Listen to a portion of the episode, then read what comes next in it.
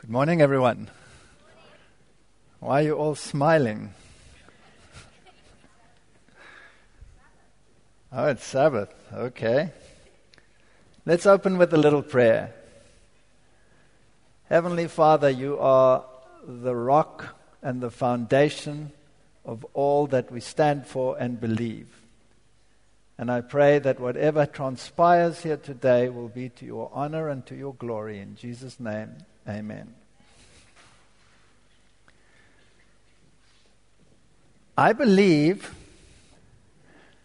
I have no idea what I'm going to tell you, okay? So bear with me. I believe that the character of God lies trodden in the dust of the highways of this world. And atheism and uh, the mindset of modern humanity is as it is because they have no concept anymore of the character of God. And why is that? Who has done such a great job in destroying the character of God out of the minds of men. Unfortunately, I have to admit that it is none other than the church. And I'm not blaming only one church. There are many to be blamed. Because God's character is being maligned no matter which church you belong to. Even in my own church, God's character is being trodden in the dust. Because there is so much confusion as to who God is and what He is. And there's this idea there's a God of the Old Testament and there's a God of the New Testament. And uh, as Richard Dawkins likes to put it, that the God of the Old Testament is the most miserable creature ever to have had the misfortune of being presented to humanity. And his sickly, sentimental, pleasant side, lovely Jesus, meek and mild, is no better because the contrast is just pathetic. So you try and reach someone like Richard Dawkins by going to him and saying to him, Richard, Jesus loves you and see how far you get. you get nothing but scorn. Now, in my own life, it's exactly the same thing. My father actually wanted to be a Roman Catholic priest. He was a very staunch Roman Catholic, very staunch. He took me to Mass every single opportunity that he had, even if it was in the week at 6 o'clock in the morning, and every Sunday. And uh, the only thing that prevented him from becoming a priest was my mother. The attraction to my mother was obviously greater than the attraction to the priesthood. But my mother was a Lutheran, and she was a very staunch believer. She believed what she believed. And my father was torn between his Catholicism and his Lutheranism. And my mother was one of twins. And it just so happened that they both were getting married on the exact same day. Now, they being Lutherans, and her sister being a Lutheran and marrying a Lutheran, they were obviously going to be married in the Lutheran church. What to do if you're a Catholic? What to do? What to do? And that was before 1962. There was no ecumenical movement where the Lutherans were just separated brethren. No, no, no, no. They were damned to hell at that stage. And so my father made the compromise and got married in the Catholic Church, rushed out of the Catholic Church to the Lutheran Church, and took part in a double wedding ceremony with my mother's twin sister. I think it caused major consternation in the Catholic Church because he never ever attended Mass again. Now, to a Catholic, not to attend Mass is like a death sentence. And uh, I never know, knew why he'd never attended Mass again, being such a staunch Catholic. So he did everything possible to make sure that I at least would be a non rebellious, good Catholic. He wasn't very successful. But he never took part in Mass, ever again. I wonder whether he was banned from Mass. It's probably a possibility, maybe even a probability. I don't know. And I never found out. So this thing must have haunted him. And uh, I was in sermons with him where they had prescribed teachings. And they would rant and rave against the Protestant denomination. And in one of these, I remember it, I was a young child, and my mother sometimes attended church with my father. And this pastor, this priest, he was a German priest in South Africa. And I even remember his name, but I won't, remember, I won't tell his name. And he was preaching against Lutheranism and against Protestantism. But he was finding it very hard because he, I think he liked my mother and she was sitting in the audience and he was actually crying. And I remember this because obviously he was being told to say these things and he said these things and my mother was very, very upset. And uh, I remember these things in my childhood. And then my mother got sick. She got very sick when I was eight years old and she was diagnosed with cancer, and in those days they weren't very good at dealing with it. So she had radiation and they burnt her, and oh, she suffered tremendously. They told her she has about four months to live, and she managed to squeeze four years out of those four months. But the last year was a nightmare, a nightmare. And uh, that's where my journey actually started. Because I was in a Lutheran church. Not, sorry, in a Lutheran school. In a Lutheran school. Because that was the only school that was a German school in my country. So I attended a German school so that I would learn German, of course, because I came from a German background. And uh, fortunately, I was born in Africa, so I'm not a German German. I'm a German with a stamp which says made in South Africa. There's a difference. and uh, there I had special instruction because I was Catholic. I attended the Catholic group, which was given by a very zealous nun. And I remember her to this day in every detail. She's ingrained in my mind. I can see her. I can see her face. I can see her nuance. I can see everything about her. And I pity that poor nun today. But I hated her then. Because she was so convicted in her Catholicism that she was concerned for my mother's welfare and knew that my mother was dying. And so she was concerned that she wasn't Catholic and therefore was going to go to hell. And she wanted to use me as a tool to convince my mother to become Catholic before she died. And so she drilled me in this idea that my mother was going to go to hell and something needed to be done. She was going to roast forever and ever and ever and ever. And uh, what did that do to a young mind? What would that do to an eight, nine year old boy? Who would you start hating for the supposed suffering that was going to be inflicted? God. God was a tyrant. God was a monster. And so I hated God, and I started to loathe God. And I remember once she gave me a little bottle this size, like a little perfume bottle, and she said, this is holy water from Lourdes. If you take this holy water home and you throw it onto your mother's breast, because she had breast cancer, then it might cure her. Now, I still hate God, but I'm clinging to any hope that there is, right?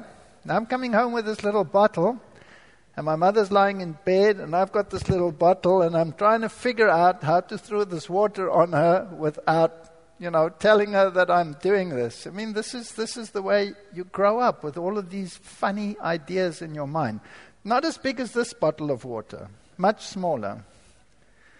In any case, eventually I spoke to my mother and I was opening this little bottle behind my back and I was speaking to her and I coughed and oops, this water spilt on my mother. And she says, What are you doing? And I said, I can't remember the rest of the conversation, but I remember doing this. What is it about ritual? What is it about all of these faiths and beliefs that we have in these animate things? That we cling to those while we reject the deity that's supposed to be behind it. Isn't this what humanity is all about? It is so sad when you think about how humanity is. I can just picture Jesus standing there at the pool where the water is supposed to become turbulent when an angel stirs it. It was probably some volcanic activity or something, or who knows what, some reaction, and it went blub, blub, blub, blub, and they thought if they can only get into that water, things will be solved. I'm sure Jesus was standing with his back to the water, and he said, uh, Would you like to be healed? And the man said, I have no one. I have no one to put me into that water. All the tough guys get there first. I have no chance whatsoever. And we cling to these hopes of the silliness and when you read the Bible, you read, Is there no God in Israel? That you should cling to all of these things and cut out little pieces of, of bone and stick them to an altar and hope that your leg will heal or the sore will heal or whatever. And we think the Philistines were pathetic by making models of tumors. And you walk into a, an Orthodox church and you find the exact same thing little models of diseases, and you think that this is going to cure it. God needs to be reminded, you know, He's very short of memory. He doesn't know that you are sick. You need to hold it there in front of Him and say, Hello, here is my model of my sickness. Can you please cure me? And it's no better in Protestantism either today. So here I was with all of these mixed ideas in my head and I hated God. But I still believed in his, the stupidity of these funny little rituals. And then one day, I don't know exactly what happened, she was ranting and raving again and telling me about God and hell and uh, how unfortunate it was that my mother was going to fry forever and ever and ever. And I got so angry. I had the catechism book in my hand and I eh, tore it apart and I threw it at her. Not a nice thing to do if you're a little boy in a religious class. So I got thrown out. And I had to sit in the courtyard. And then the headmaster would walk by, who was a Protestant, and he would see me out there in the courtyard and he'd say, What are you doing out here? And I wasn't very diplomatic. I've never been very diplomatic, gets me into big trouble. I said, That witch threw me out. Well, that modified my posterior because he took me into the office and modified it for me, which didn't help me either because now I resented him too. And this happened every religious class. And eventually the story got round about this rebellious person who is so anti this and anti that. He must be from the devil and the worst person on the planet. And so it spilled over to the Protestant classes.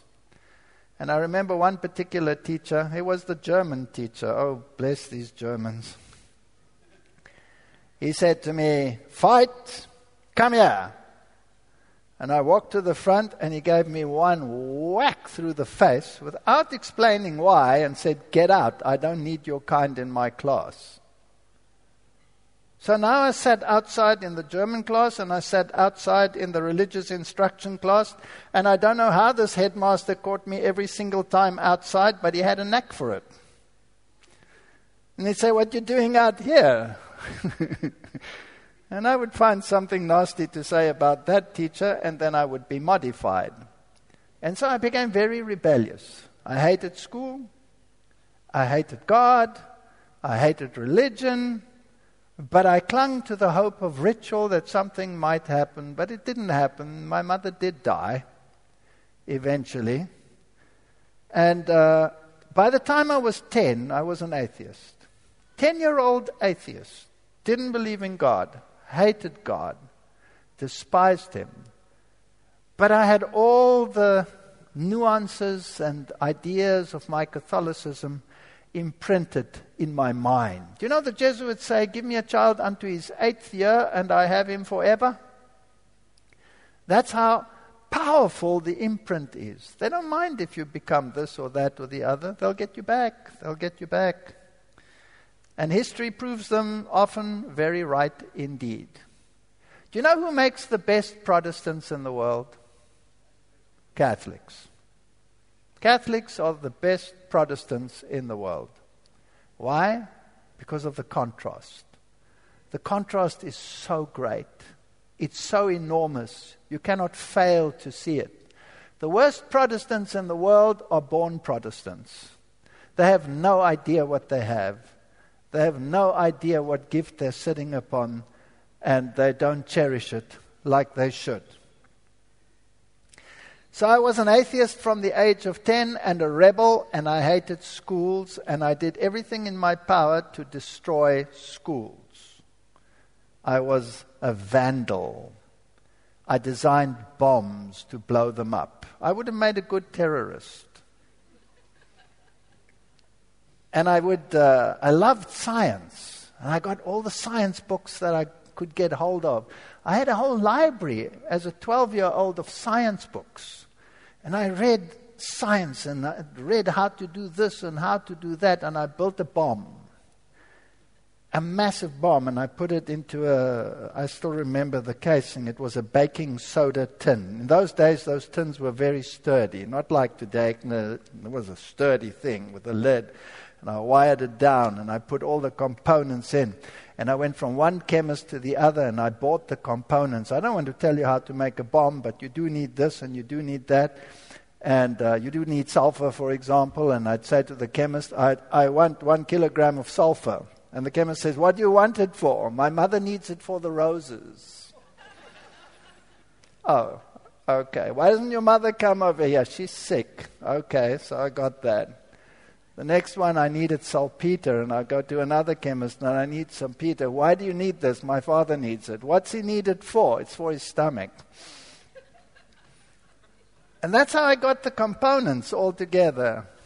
And then I built this thing, and I dug this hole under this huge tree on one of the school grounds, and I put it underneath, and I lit the fuse and ran like crazy and sat and waited and there was a massive explosion, and the whole tree lifted up out of the ground and fell onto the sports field. And being trained in deception by then, I ran like crazy towards the incident because I knew that if I run away from the incident, they will suspect me, right? So I was the first on the scene saying, Good grief, what happened here? So this is how I was. And I was like that for most of my life. When my mother died, I got a stepmother. Now, fairy tales are written for a reason, and I had a fairy tale stepmother. She loathed me with a passion. And so I was shipped off to hostels, and I lived in hostels. And my favorite hostel, of course, was the one at school, where I escaped on numerous occasions, climbing down the drain pipes, tried to destroy it, Eventually, I ran away into the forest, and they had a search party for me, and I climbed into the trees and broke down the pine cones and threw the teachers with it. I was not very popular until they told me when I reached the, what you call it these, I don't know what you call it here. When I reached about the ninth grade, they told me I was not school material. Obviously, I was not. And I had to leave school. I was expelled. It's no good that I carry on. Now, I had an uncle who was a headmaster at another school. So I went to my uncle and I said to my uncle, They say I may not go to school anymore. And being a rebel, if they say you're not allowed to go to school, what, is your, what are you going to say?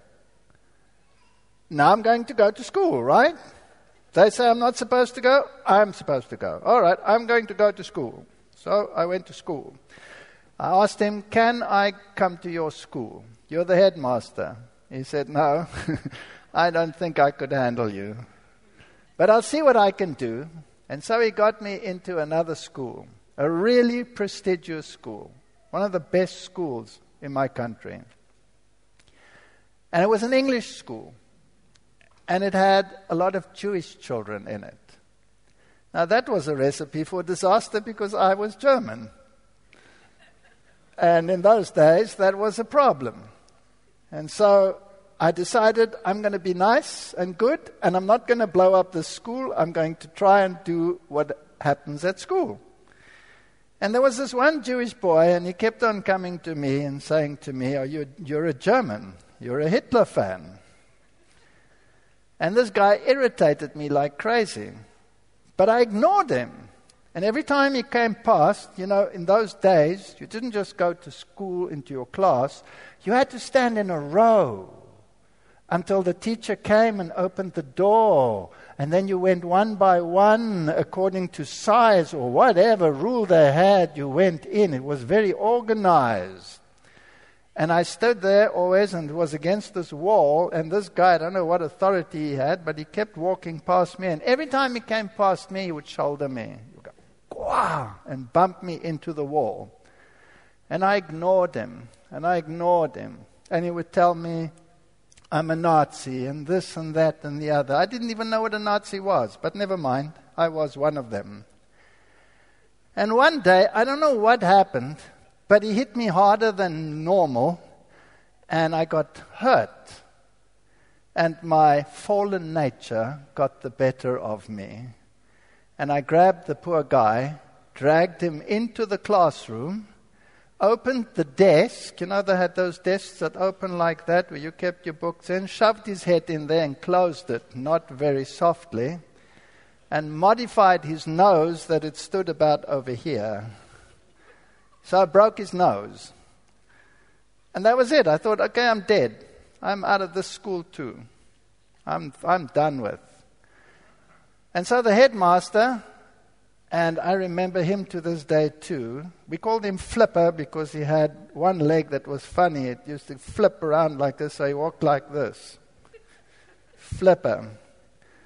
But he was a he was a very strange man. He always used to open the assembly with, Go to the ant, thou sluggard, quoting from the Bible, of course. And uh, he looked at us, and he must have had some information.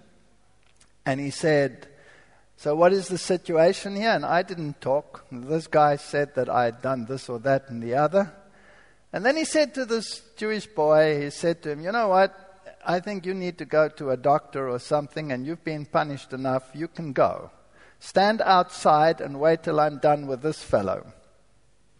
And then he said to me, loud, so the one outside could hear, So you think you can come to my school and act like a hooligan here? You will get your comings up. I should throw you out of the school for what you have done, but I'm going to give you one more chance. I'm going to give you the thrashing of your life, and you will never, ever, ever do this in my school again. Do you understand me? And then he got up and he went to a cabinet where he had canes. And he took the one cane and he came and he said, And he went to his chair and he whacked his chair six times, loud. And then he came to me and he whispered in my ear and he said, Now, when you go out, hold your backside. and he said to me, I know why you did it because I understood what happened.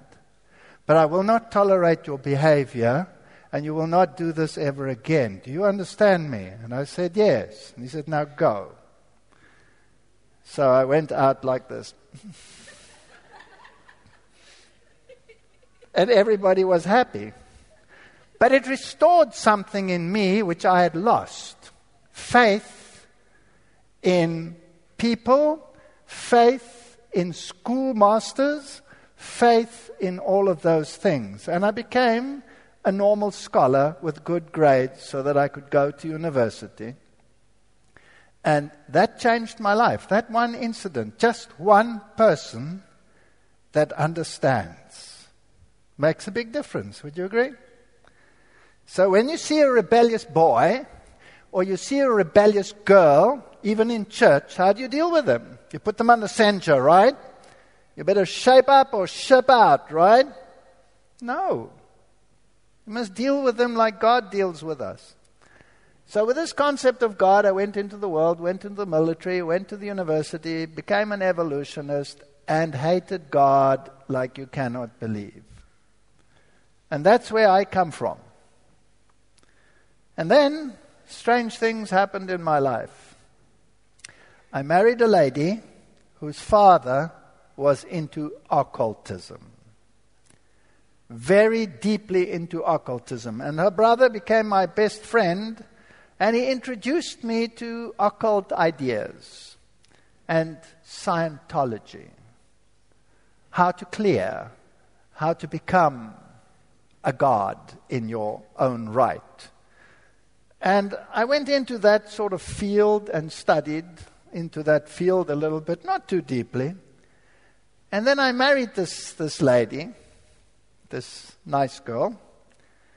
And then her father in law uh, came into my life, and he came to live with us, and he taught me so many things in the occult world.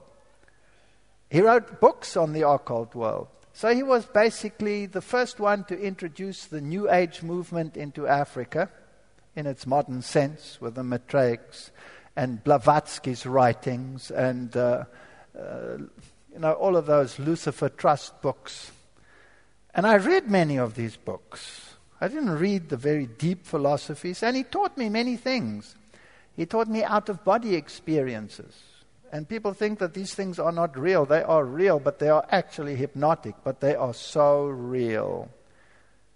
And they are dangerous to perform because you can actually die doing them if you do not take care. And I, I was steeped into occultism. And then my life changed when our f- children were born. And when the youngest child was born, my father in law had been living with me, and all hell break, broke loose in my home. My child was constantly being harassed by spirit entities. I don't want to go into the details, I don't have time. You can look at it in my normal testimony where I go through what actually happened there. But it was horrendous. And I was being physically attacked by spirit entities, choked, that you're fighting for your life. It's unbelievably real. So there was something there.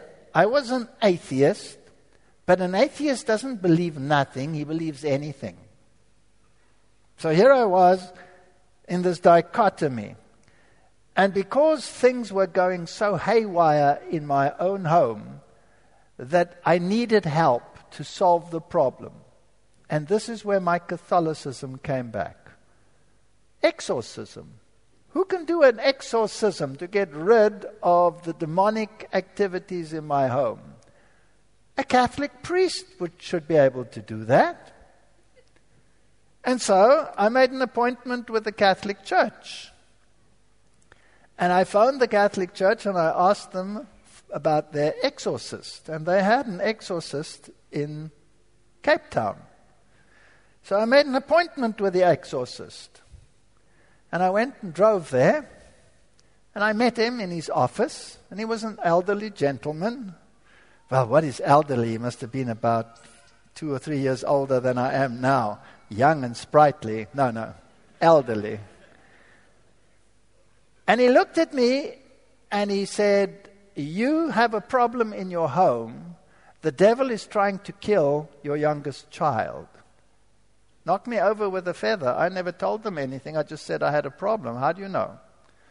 I said to him, How do you know? He says, The nuns told me. I said, Excuse me, how could the nuns have told you? He said, In fact, I've been praying for you for a week. I said, That's impossible. I only just met you today. I only phoned yesterday. How can you have been praying for me for a week? He says, I've known that you were going to come, and I knew what your problem was. And your problem is so severe that only an exorcist mass in your home will be able to solve your problem. And I said, Excuse me, what do you mean you know all this? How did the nuns tell you? He says, Doesn't matter, it's the nuns that never see the world. I said, Excuse me. And he said, You know what? To say that Mass in your house, we need permission from the bishop. And I said to him, Well, how long is that going to take? Takes out a letter signed by the bishop and says, I already have it because I went to ask the bishop because I knew you were coming a week before. Now, would that, would that rattle your cage? It certainly rattled mine. And then he came to my home, and I told him, Excuse me, uh, you know, we don't really uh, believe anything anymore. I'm not really a practicing Catholic, and my wife is, uh, is Dutch Reformed. She's Protestant, and uh, she doesn't practice. I says, That doesn't matter. So he came to my home and he did an exorcism. Amazing experience. Made this holy water, put signs on the, on the windows, and went around. And then all of a sudden, something grabbed him and threw him around the room. Have you ever experienced anything like that? This old man being thrown around a room by something that you can't see? Well, uh, your atheism very quickly disappears under those circumstances. And I, and I was thinking, this, guy, this man's going to die in my house. And then recovered. Anyway, long story short, he left. Problem gone. Well, how would you react? So I carried on with my normal life and I went to work and I taught my my courses and uh, did whatever I did. But this little voice kept talking to me and saying, You know what? You're a hypocrite now. Now you're a hypocrite. You should actually acknowledge that the Catholic Church has the power to do all of this, so they must be from God. And you say there is no God, so what are you going to do now? So I contacted the local priest and I said to him, Listen, I have a problem. I'm an evolutionist and I, I believe in evolution. And now I'm confronted with this idea that there might be a God, etc., etc., etc. How do you relate to evolution? He says, No problem, we accept it. It's the only way it came about. Okay. So I became a good Catholic again. Went to church, went to Mass, went to confession, did all that a good Catholic has to do. But there was this battle in my mind, and there was peace in my home, and my wife said, You know what? Maybe I should become a Catholic too now. We're all going to become Catholic. Okay. Know nothing really about the deeper teachings of Catholicism. It's all just the ritual. So I went back to church. And then that incident, you, maybe many of you have heard it. I know many of you might be even bored with the story, but it's a true story. Some people actually come to me and say, You can't tell these stories. You must change your testimony. Excuse me, how can I change my testimony? That's what happened to me, right? I can only say how it happened. So I'm in the medical class, first year students, 400 students sitting in front of me. looks like this. And I'm teaching them the evolution of the kidney. From the nephridium in the simple organisms all the way to the human being. And this young girl gets up and says, Excuse me, uh, I don't believe a word you are saying. I believe God created this world. And this old animosity, this hatred, just boiled up.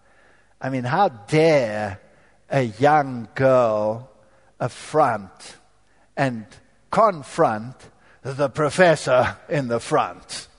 How dare she ridicule what he's saying to this entire class? So I destroyed her to such an extent that she sat down and cried. Job well done. Carried on with my class, explained. It's funny, some students will laugh, some students will be quiet, but that's what happened. Went back to my office, sat in my office, did my work, all riled up and angry. And the more I worked, the more this little voice said to me, You disgusting creature. How can you ridicule this poor young girl just for saying she believes God did it? You're disgusting. And what does a good Catholic do when he thinks he's done something disgusting? He has to go to confession. He's got to get it off his, off his chest, right? So I thought, okay, it's almost lunchtime. I'm going to drive past the Catholic church, go and get the Catholic priest, and get rid of this burden. So I drove to the church. Get to the church. The Catholic priest is out shopping. I say to the nun who's there, I say to her, Where is he? She says, he's Shopping. I say, How long will it take? She says, She doesn't know. She doesn't know how long it's going to take. But wait for him in the church. He'll be a by sooner or later. Now, you know, I've got things to do. I've got classes in the afternoon. I have a very short lunch break. Where's this priest? What's he doing? Shopping. I need to have my sin forgiven now, and the priest is shopping. That's very inconvenient. Did you know that? What happens if the priest is not there and I walk across the street and the bus hits me? Then I sit with the sin and I'm lost, right? I'm dependent on this priest. And so I'm sitting in the church and I'm getting angry with the priest because he's not there. It's my German nature, you must forgive me. My propensity to evil. So there I'm sitting and I'm looking at the little red light on the altar. And the little red light means that the consecrated host is there. Now, in Catholic thought, who's there then? Jesus. But it's his corpus Christi, it's his body. He's not alive. It's his sacrifice. He's dead. He's there, but he's God, and you can worship him. so I'm looking at this little light and I'm looking at this consecrated thing there, and I'm saying to myself, Can't speak to you, you're dead. Where's the priest? I need to be forgiven, and I don't have time. I need to have it done right now. And you can't do it. You're a corpse. You can't do it. Where's the priest? And the priest doesn't come. And these thoughts go through my mind, and something starts clicking. You know, this is ridiculous. Why should I be dependent on a person who might not be available, and then I'm lost because that person is not there? Is there something wrong with that idea? Would you agree? Something wrong with it. Why can't I speak to God? Because I can't speak to Him because I have to go through the priest, the priest. Ah. And eventually, I got so agitated, I said to myself, you know what? I'm done. This is not working for me. It doesn't make any sense. I think I was better off as an atheist. And then I made the biggest mistake of my life. I said, God, if you exist, show yourself to me. And I left. Whoa, what a mistake. Because he did. When I came home, I was my usual agitated self. It wasn't a good day. I did, I did not have a good day. And I forgot to tell you that when the problem stopped in our house, you get energy, and we'd renovated the house, and there'd been a carpenter who'd put a new kitchen in for me. And the, the carpenter was a Christian. And he said to me, when he came to install my kitchen, he said to me, I just want to tell you something. I don't only do kitchens, I also walk with God and I want to tell you about God. Can we have that conversation? I said, Oh, brother, not one of these nutty Christians. And I said to him, Excuse me, I want a kitchen. You can keep your God, but I'll take your kitchen, okay? Whoa. So he left it and he gave me a pamphlet which irritated me, and I threw it in a drawer and left. That was a year previous. A year previous. Now I'm getting home, and I say to my wife, I'm looking for something. I can't remember what it was. And my wife says, It's in that cupboard, in that drawer. When you open the drawer on the right hand side, under that thing, that's where it is. That irritates me so about women, I could scream. They know where everything is. I know where nothing is. If I put a thing down there and she moves it one millimeter to the right, it's gone. where is it? It's right in front of you. It's not where I put it, it's over there, but she'll know where everything is. Anyway, so I'm looking for this thing, and while I'm looking, I find this pamphlet. And for the first time in a year, I actually look at the pamphlet. And the pamphlet says, the Roman Catholic Church changed the commandments of God. That's all it says. Then it has the Bible version of the Ten Commandments, the Catholic version of the Ten Commandments, and the Lutheran version of the Ten Commandments on this piece of paper. That's all the pamphlet said. And I'm looking at this and I'm thinking, well, what the heck's going on here? How can they change the commandments? So I'm checking this and I said, This is rubbish. So I say to my wife, Do we have a Bible? Because Catholics don't need a Bible. They have a catechism book, right? Do we have a Bible? No, we don't have a Bible. Now I'm, I'm irritated because we don't have a Bible. And I want to check this out. This is puzzling me. I forgot what I wanted to look for. I've lost it already. I didn't even find it. I only found this pamphlet. And then I remembered a box that an old lady had given me who was a paraplegic, and she left me her entire possessions, which happened to be old German magazines and a couple of books. And I thought to myself, you know, little old ladies that were paraplegics might have had a Bible. Maybe there's a Bible in that box. It had been on my shelf in the garage for, I don't know, five, six years. Took it down, dug through it, True enough, here was a Bible, a little German Lutheran Bible. So I took it, checked it out. True enough, commandments had been changed. Puzzled me. So I phoned the Catholic priest. And I said to the Catholic priest, Can you explain to me why the commandments have been changed? He says, I don't know. I said, Well, can you come to my house? Can we talk about this? So the Catholic priest came to my house. And I said to him, So what's happening over here? He says, I'm not into scripture. I said, Excuse me, you're a priest and you're not into scripture?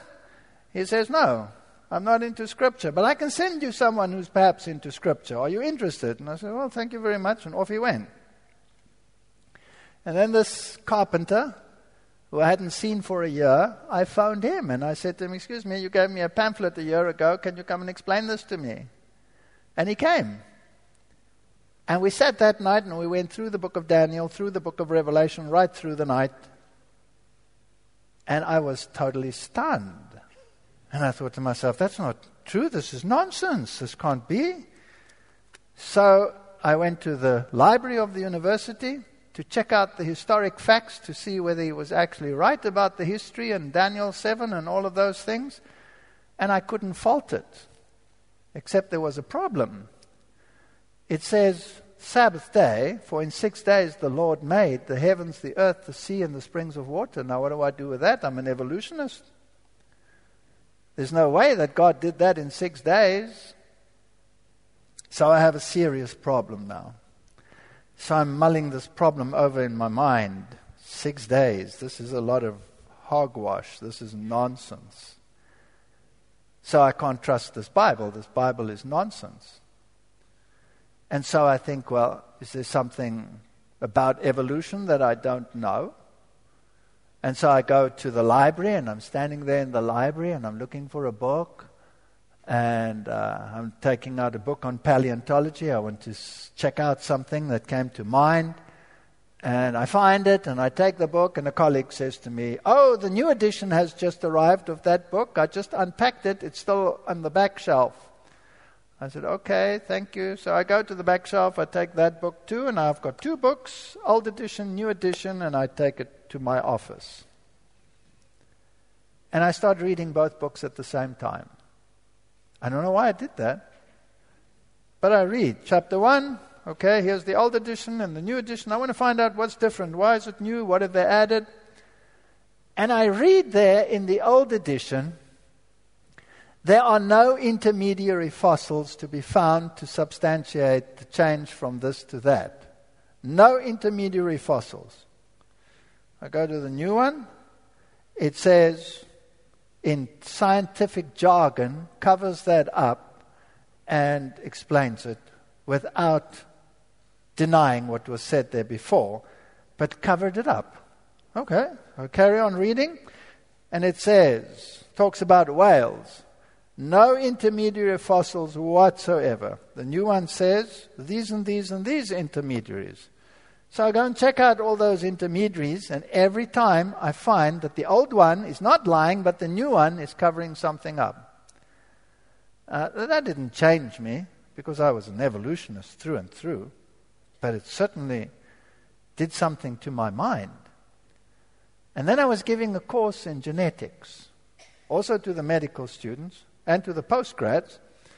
And uh, I was going through the genetics and I started thinking about genetics.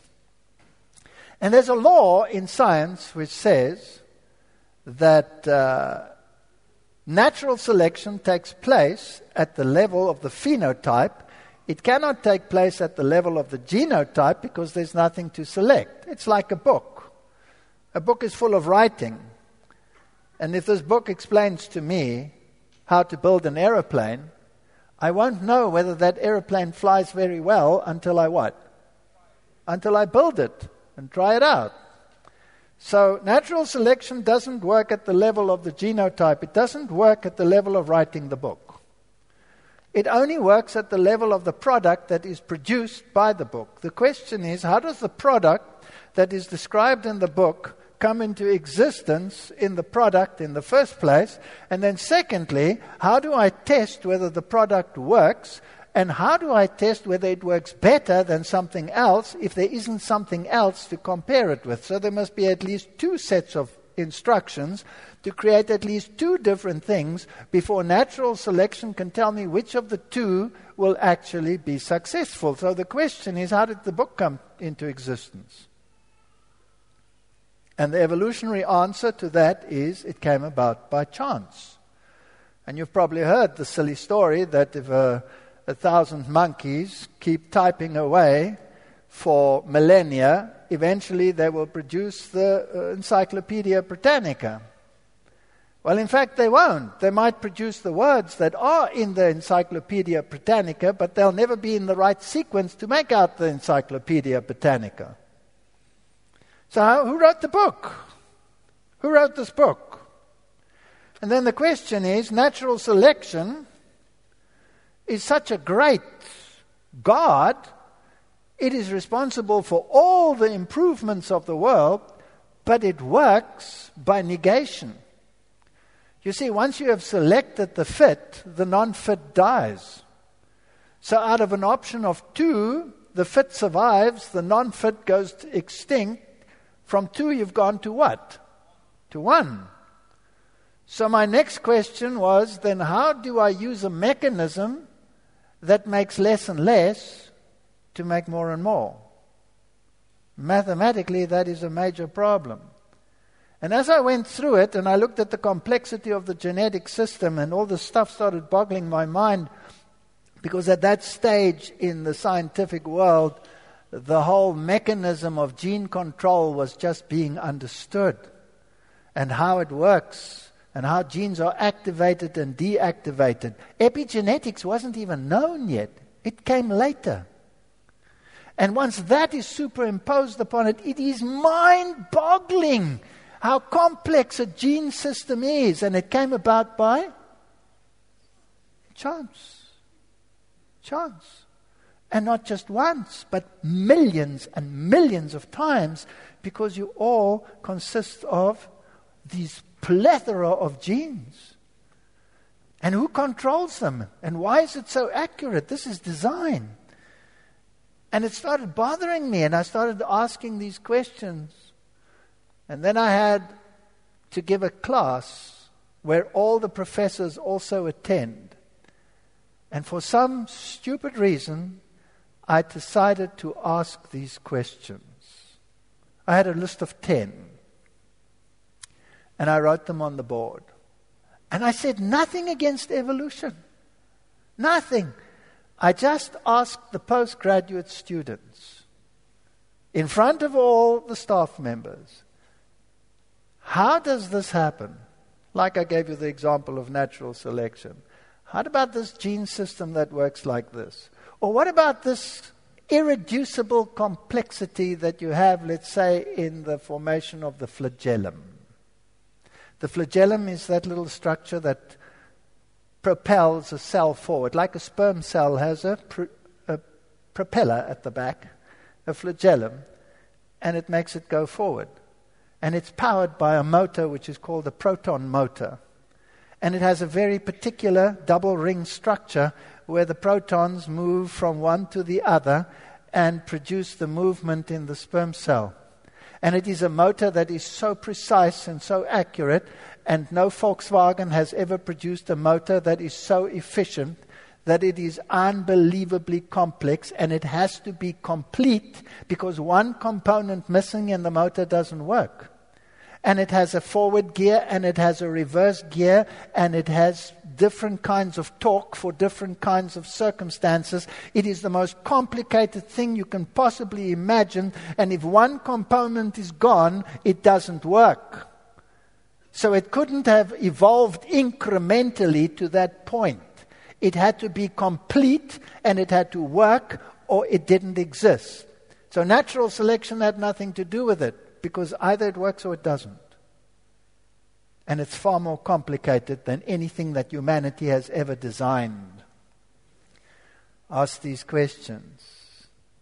And there was deadly silence. I just asked questions. I never even gave the answers or posed the theory that evolution was not possible. And guess what happened? A young lady, man, what is it with these women? Gets up and says, in front of all that staff and all those students, when I came to this university, I was a believing Christian. And today I am an atheist because what I've learned at this university. And she looked at the staff and she said, You have robbed me of my faith. And now I see I shouldn't have lost my faith. What do you think the reaction of the staff was? They were so furious. They were so furious that the one started foaming at the mouth. I remember a lecture I gave at the university, uh, one of the big universities in Cape Town. And I posed some of these ideas. And uh, there was a huge audience, and all the paleontologists and the scientists were there. And they got so angry that one of those scientists walked up to me in front of all those students, came up onto the stage where I was standing and spat in my face. And I thought to myself, you know what? There's so much feeling here, so much animosity. What is this? Is this a religion or what is it? In any case, the Sabbath was a major issue for me because I was an evolutionist. I mean, I was trying to find answers to these things and I couldn't find them always. And then somebody gave me a little booklet, a colleague of mine. In fact, it was the secretary. And she says, I want you to read this. Now, I told nobody that I had been in contact with people that keep the Sabbath.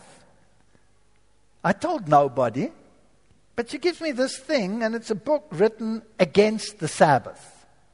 Why the Sabbath should not be kept, the seventh day Sabbath.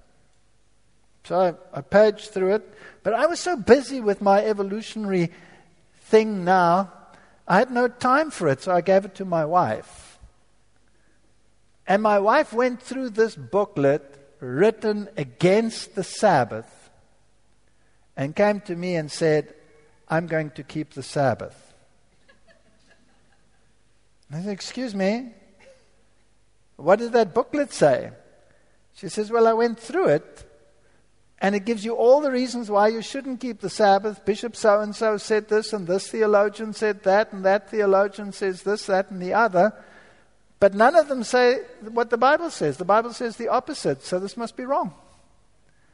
So she accepted the Sabbath. Now I'm in trouble. What am I going to do? I can't keep the Sabbath because I don't believe in six day creation. It's ridiculous. It's a fairy tale. Well, I worked through that one and eventually did accept the Sabbath. And then I became what I am today a Seventh day Adventist. And the world says that we are a sect. We're a sectarian bunch of crazy people. And the first time I went to church, they invited us to lunch, and I thought I was going to die. They didn't only look funny, they ate funny. Now, that was a nightmare. Here are these funny people, they looked so different. And I remember I said to this guy, I will come to your church, but I will not change my attire. I will not wear a suit. I will not. I will come in jeans and t shirt and sneakers.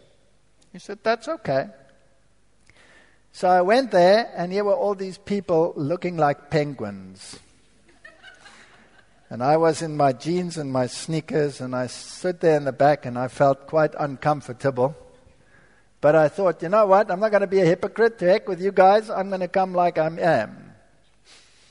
And then things went from bad to worse at the university. My colleagues were absolutely furious at my change of, of thinking.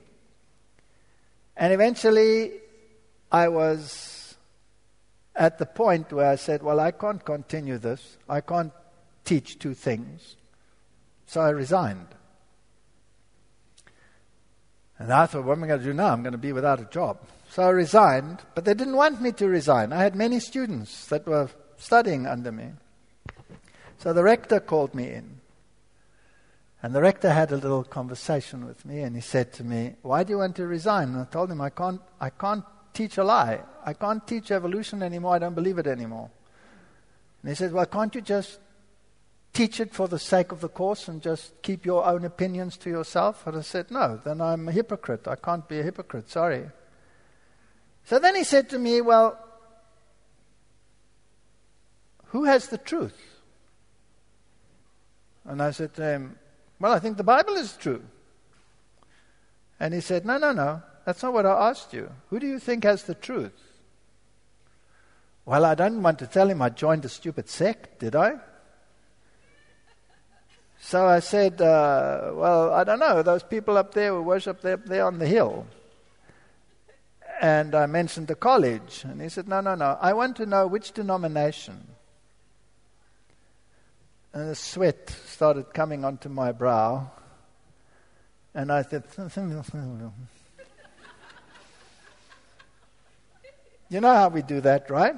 We're so, we're so afraid to say we're Seventh day Adventists. So finally, I'd said to him what I was, and he said nothing. He said, Well, I wish you well in your future. So, very sorry to lose you. Bye bye. And off I went. No job, no nothing. Long story short, my life from then on was a nightmare.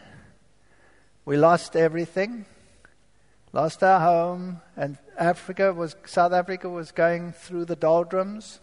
I took a loan on something, on a farm, because I thought, well, I have all this animal knowledge, I can become a great uh, cattle raiser or something, or dairy farm or something like that. God has a sense of humor.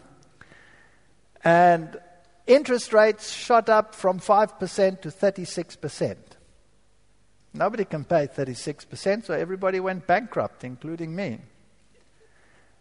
And I paid for 15 years on something that I didn't own anymore. So it was quite a nightmare. But then God opened a door, and a university needed my help. And they phoned me and said, Would you come and teach the physiology course our teacher has gotten, our lecturer is sick. Could you come and do that for us for a year? And I said, yes, but you know what? I believe in evolution. Don't believe in evolution. He says, you don't have to teach evolution. It's fine. Just your physiology. We want you for your physiology. I said, fine, I'll come. I was back in the university. Long story short, just a few years, three years, and I was professor and head of the department of a big university. The only professor in a secular university in the entire southern hemisphere that I know of who didn't believe in evolution. Can you imagine the trouble that you will experience when you do that? It's unbelievable. Unbelievable. The knives you get into your back. How dare you be, be the head of a zoology department in a secular university and not believe in evolution? And there were certain courses which required the teaching of evolution. And so I said to the staff, okay, which of you wants to present the evolution classes? And they presented the evolution classes. And they said, but you don't believe in evolution. I said, I don't mind. You can teach the evolution classes. Yes, but you would never allow us to bring in a lecturer from outside to give special classes on evolution. I said, get the best you can in the whole world. Come and let them teach evolution. And they did. They brought in big speakers from overseas and they taught the evolution classes. And when I gave my class, I always used to say, according to the theory of evolution, this and this and this and this happens. And students are not stupid, you know. They would say to me, Why do you always say, according to the theory of evolution, every time you say something about evolution? Why don't you say, like the other people, this and this happened? Why do you say, according to the theory of evolution? I said, Well, because I don't believe it. And they said, Well, tell me what you believe. And I said, I can't. It's not part of the course. And I'm not going to waste the university's money by giving you my ideology in university time. But if you want to know what I believe, arrange a lecture after hours and I'll tell you. Do you think a student will pass that by? Never. It's like banning a speaker. it's the best advertisement you could ever send. Get hordes of people who want to come and listen then. Best advertisement. And so I would give a lecture after hours. And then the students would say in the evolution class, Excuse me, that's not true. It's actually like this and this. It made me very popular. And so I went in front of three tribunals. And I remember two of them very distinctly the, the second one and the last one. That I was not fit to be the professor of a secular university. But God is so good, He's so clever. In all this turmoil, my research received such acclaim that I was granted the Royal Society London grant for reconstruction and development in southern Africa, the only biologist to receive that. I mean, that's a huge award. And how are you going to say that the man is an idiot if he gets this award from the Royal Society of London. It's, it's a dichotomy of thought. And so the letters go out. Why does, this, why does this moron get it? I should be getting that, not this one. And this was going on. And so there were these tribunals. And I remember that one particular staff member really had his knife in for me. And he was a brilliant scientist. And uh, he got this tribunal together from other universities to try my case to see whether I could actually lead a university zoology department and not believe in evolution. Unbelievable stuff. And he had this list of witnesses. And I didn't know what it was. I didn't know what they were going to say. It was the strangest thing. And I was sitting in my office, and I was the tribunal had gathered over there in the in the hall, and he was in the office next door. And I was saying, God, I don't know what they've got against me, and I don't know what evidence they're going to bring, and I, I can't defend myself because I don't know, so my only defense is you. So please take care of this one. He comes out of his office, he's got his piece of paper in his hand. He walks down the passage, he comes to my secretary's office. He suddenly straightens up and he falls down like a brick, out like a light with his piece of paper in his hand. There he's lying. We call the medics. The medics come. He's taken away in an ambulance. My accuser's gone. Only his piece of paper is left. That's it. So they take the piece of paper because these people had flown in from all over the country. And now I'm on trial, but my accuser is gone. And we went through that trial, and I said, No, it wasn't like that. It was like this. Oh, but can you prove it? And I said, I think so. Let's ask the students. So we phoned the other departments and we say, Can you send the students from your class just over here for this tribunal? And then the tribunal asked them, Is this what happened in the class? Is this what happened in the class? And they said, No, it didn't happen like that. It happened like this. And I was totally exonerated, and that was the end of it. But it's very nerve wracking and the next day, the man is at work. They found nothing wrong with him at the hospital. There was nothing wrong with him. He just fell over at the right time, at the right moment. And the third tribunal was the accusation was you cannot believe in God and be a scientist at the same time. That was an interesting one. And finally, they came to the Constitution, which says that you have freedom of religion and a right to believe what you believe. And so they exonerated me from that one. But I handed in my resignation again. I said, Well, I can't work with these colleagues because what's the point of working with them if they're going to stab you in the back every five minutes? And so they moved me, because my research was medical, to the Department of Medical Bioscience. And there I was professor for four years, teaching medical students, medical bioscience, nutritional research, all of those things. And everything that I hated about the diet of this church was corroborated in my own scientific endeavors. I want to tell you, you're sitting on a treasure that you do not comprehend. You do not comprehend the treasure that you are sitting on. And we might be regarded as a sect in the world. But there's a God in heaven that has a message. And he wants that message to go out into the world. And the message that we have, believe it or not, we can find it in Psalm 71, where it says, In thee, O Lord, do I put my trust. Let me never be put to confusion. Every time I have been brought before councils, whether they be secular councils at the university, God undertook, even if someone has to drop down unconscious when he is about to testify. And God would turn the thing all the way around. Did I give myself a Royal Society grant? No. Why would I get it? The most unlikely candidate in the world. I have no, no thought about it other than a higher hand was dealing with those committees. The accusations that I had were so amazing. And when I was accused of these things and evolution, guess who came up for my support? You'll never guess.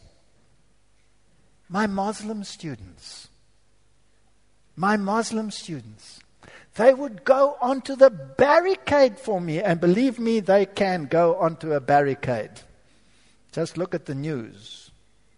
They would militantly support me. They would militantly support me. And God arranged circumstances, unbelievable. South Africa experienced so many riots that and so much violence, you have no idea what the violence is like in my country. And there was a command that uh, all the students were not allowed to attend classes. There was a boycott. And if the students attended the classes, they would grab those students, they would pull the ladies out by their hair and kick them in the face so that they would destroy their faces. And they would take the men and they would take baseball bats and smash their knees. Very violent. And the university had said, We cannot tolerate this. We're going to carry on with the classes. And the students came to me and said, What do we do? Do we carry on with classes? I said, Sure, carry on with classes. And they carried on with their classes, and my students were, I don't know who was taking the class. One of the, oh, I think it was one of my.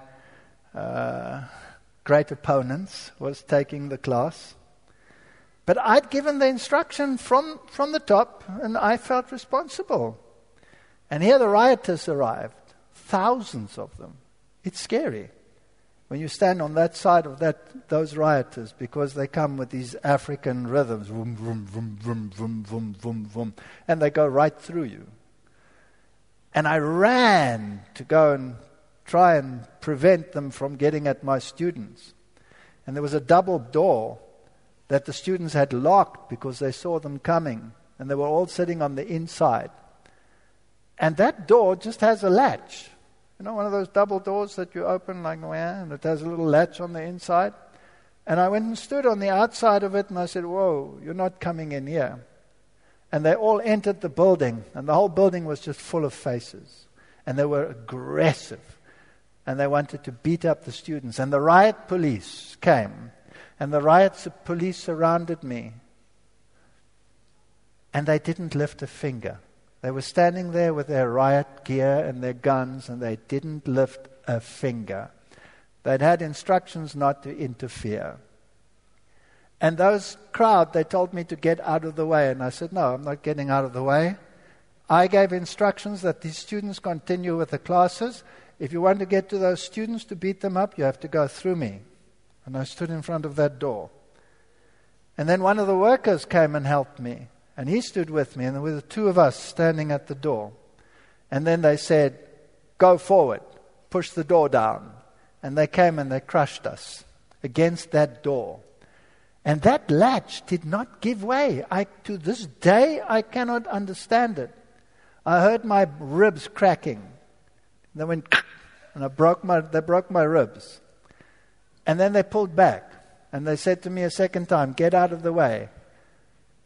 We refused. Seven times they came to crush us through the door. The door did not give way. It did not give way. Unbelievable. And then, for no reason whatsoever, the lead guy was supposedly a student Good grief, if that was a student, my name is Jack Spratt. He was some rioter or something that was appointed for this. You can check this out. It's in the newspaper. My picture, even in the newspaper, where they took pictures of this guy keeping the students out. Anyway, so this lead guy says, Mwah! and he turns around, and when he turns around, everybody turns around, and they left. And they went and destroyed the department next door. Nothing happened to my students. Guess what that bought me? It bought me four years of absolute peace. Because nobody dared to say anything against me. Because if they did, the students would defend me. Four years of absolute peace until all those students had passed their curriculums and had gone out of the classes. God uses strange ways to make sure that his message is not destroyed. If we are prepared to speak the truth, if we are prepared to stand for what we believe, God will vindicate you. He will take care of it. We are so ashamed of what we believe. I will tell you today, I'm a Seventh day Adventist, and I am a Protestant of Protestants. If I was If Luther was alive today, I would be a Lutheran, but I'd keep the Sabbath. It says here, In thee, O Lord, do I put my trust, let me never be put to confusion.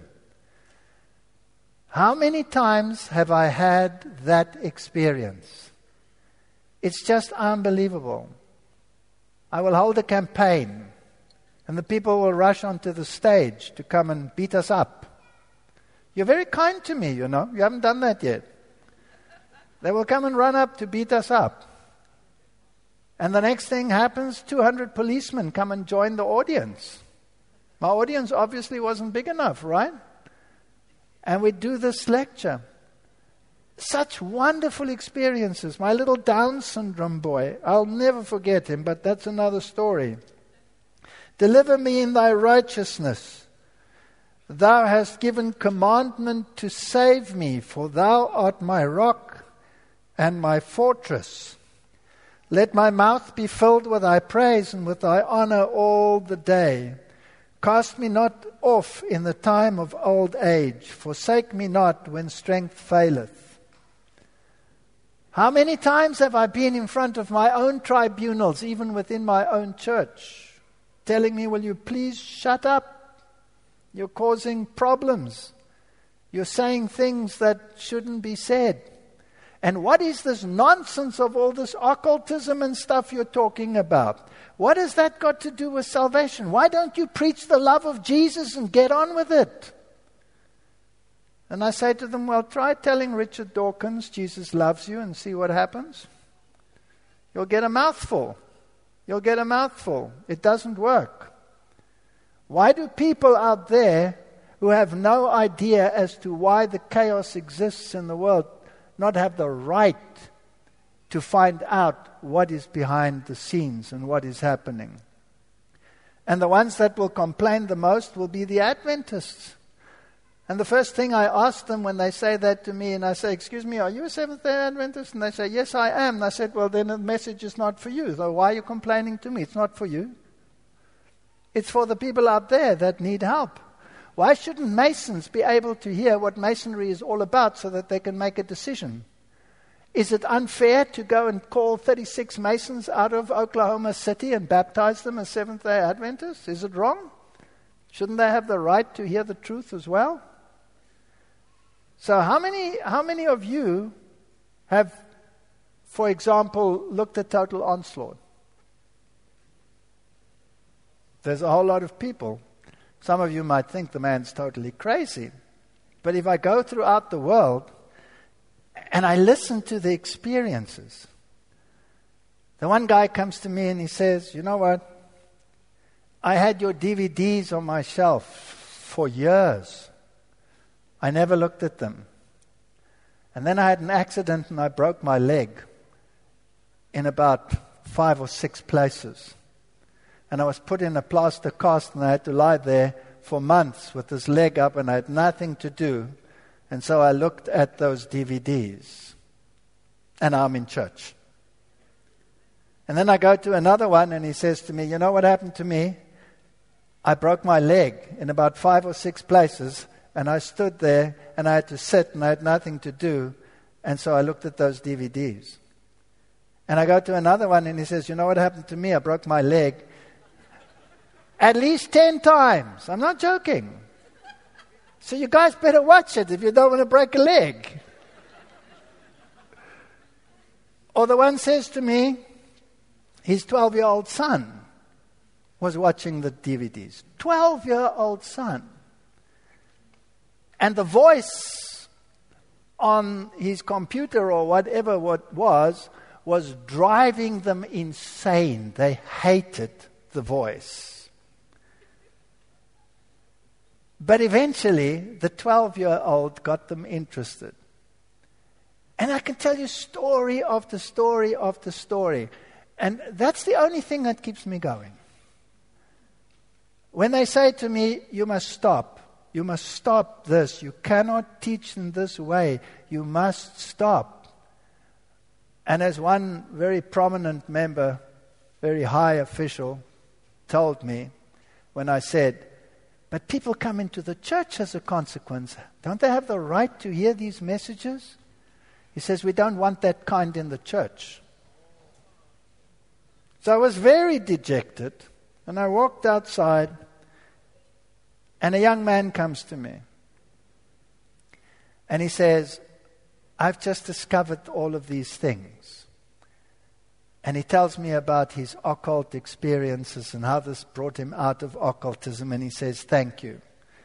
So I have this contrast. We don't want him into the church. So I went to the next venue where I was, and there was a neurosurgeon. A neurosurgeon. And he said, I watched these things and I was wondering what was happening in the world and I couldn't put these things together. And thank you. I've now also accepted this biblical truth. And then there was a paleontologist. And they're very hard to reach, you know, these paleontologists.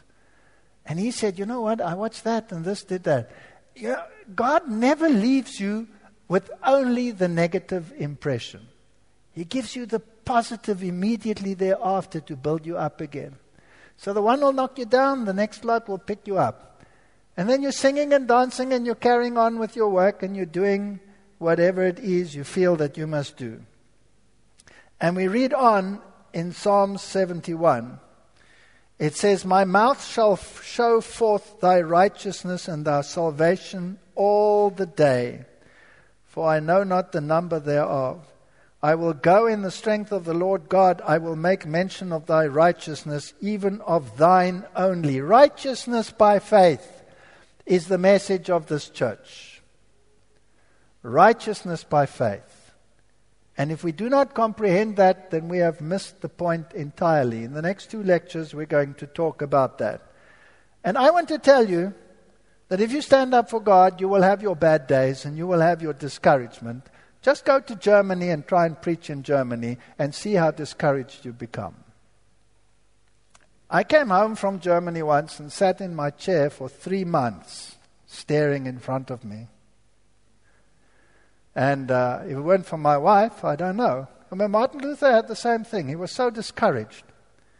And he was just sitting there and staring. So I know what he feels like. I feel like Jeremiah. I will not mention thy name anymore. Cursed be the man that brought the tidings that I was born to my father. What's that poor guy had to do with it, right? I will not mention it. And then Jeremiah says, Ah, but there was a fire in my heart and I could not relent and I preached again. We're all suckers for punishment. And Martin Luther, when he was sitting there in his chair and he didn't move and he didn't budge and he was depressed, his wife, bless her, she started wearing black clothes. Every day she wore a black dress and a black veil. And Martin Luther took a couple of weeks to recognize that his wife had gone crazy. And finally, he exploded and says, What the heck is this with your stupid black clothes that you wear every day? Why are you doing that? And his Käthe said to him, I'm in mourning. Why are you in mourning? Because of the death in the house. Who died? God died, she said. She said he said, Oh, rubbish, God isn't dead. And she said to him, But you act as though he's dead. and Martin Luther realized where he was at and he got up out of his chair. I had a dog. His name was Rudy. A magnificent dog. I loved that dog. He was a Rottweiler, a huge Rottweiler. And he had such a gentle nature. But I had two Rottweilers, and I couldn't keep them both. I had too small a territory. I had to give them away. I used to sit in my chair and he'd stand in front of me and I'd say to him, Are you a little lap doggy? And he'd go, Ruff, boom, sit on top of me. I loved this dog. And he had such a gentle nature. A Rottweiler with a gentle nature. And a guy with a restaurant took my dog. Uh, he had a, a fancy restaurant. And my dog went to dog heaven. He got steaks and hamburger patties, and he was in dog heaven. And there he was lying under the tree, and a big Alsatian came by, and he, being a friendly Rottweiler, went up to the Alsatian and greeted him, turned round and walked away from the Alsatian, and the Alsatian attacked him from the back and tore him to shreds. And he almost died. And then they took him to the vet and they sewed him up. And he lay under a tree and he didn't come out from under that tree for three months. And every day they brought him his food and he would eat a little and drink a little, but he wouldn't get up from under that tree. He was the most miserable dog on the planet. And after three months, that Alsatian walked by and Rudy got up and he grabbed that Alsatian and he shook the living daylights out of him and he picked him up and threw him over a fence. And from that day on, he was Rudy. Now, I've been there. I've been there. And we have a little saying in our house when uh, things get tough out there when's Rudy going to get up? Rudy's got to get up. There's a work to do. There's no time to stop now. Rudy's got to get up. I will go in the strength of the Lord God. I will make mention of thy righteousness, even of thine only. O God, thou hast taught me from my youth, and hitherto I have declared thy wondrous works. And now also, when I am old and grey headed, O God, forsake me not until I have showed thy strength unto this generation, and thy power in everyone that is to come. I've spoken enough. I just want to tell you one more thing. Do not be discouraged. Things are going to get tough. Do not be ashamed of what you believe. Stand for what you believe, though the heavens fall, and God will vindicate you. It's a promise. He will do it. God has never, ever let me down. Never. I've been before councils that you cannot imagine. I've been at the highest levels on the carpet, and I'm still here, and I'm still preaching. And by the grace of God, I will preach until I drop, because I heard that there's no retirement in this business. There's no retirement. So and I don't have time to get old. I don't know what it means to get old. I know I'm old, but I don't have time for it. I'm too busy. And that's what we should all be doing because we have a job to do. God's character is maligned in the world, He's misunderstood. That's why He's hated. When something goes wrong, what do they say? Oh, it's God to blame. I mean, you can just read the next psalm. It says there, but as for me, my feet were almost gone. This is Psalm 73. My step had well nigh slipped, for I saw the prosperity of the wicked.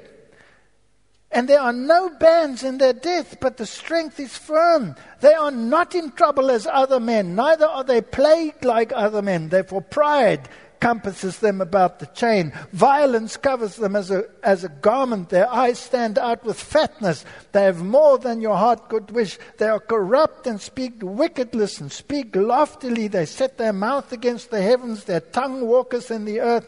And look at them. They're doing so great. And me, look at me. It's exactly what we're dealing with in the world.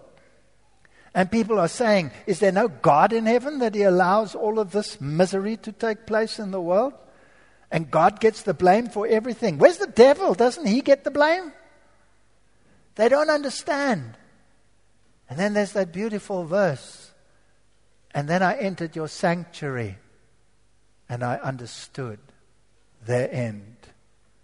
If we don't have this hope of a God who records our lives in His sanctuary and covers us with His blood. If we don't understand that God, how are we going to represent Him to the world? We should be foremost in representing the character of God. We should be the head, but we have become the tail. because we are ashamed to say what we believe. I'm a Seventh day Adventist Christian. Not because Seventh day Adventists are the greatest people on the planet, because this is a hospital and it's full of sick people. Sick people from every walk of life. They've come in from the highways, they've come in from the byways. They've been prostitutes, they've been occultists, they've been the worst things on this planet. I prepared God and I said I want a boxing ring when I get to heaven, and Paul and I are going to have a boxing match. Because he said, sinners of which he is the greatest. I want to fight that out with him. And if I knock him out, I get that title. If he knocks me out, then he can have that title. But I'm practicing. I'm going to knock him out. We are all sinners, saved by grace. And we need to bring that picture of a God who respects us so much that he gives us freedom of choice but is prepared to take the consequences for the bad choice we make so that God will be restored on his throne. May God bless you as we enter into the final phases of this earth's history and may make you strong and may make you courageous so that we can stand in the time that is ahead of us. Amen.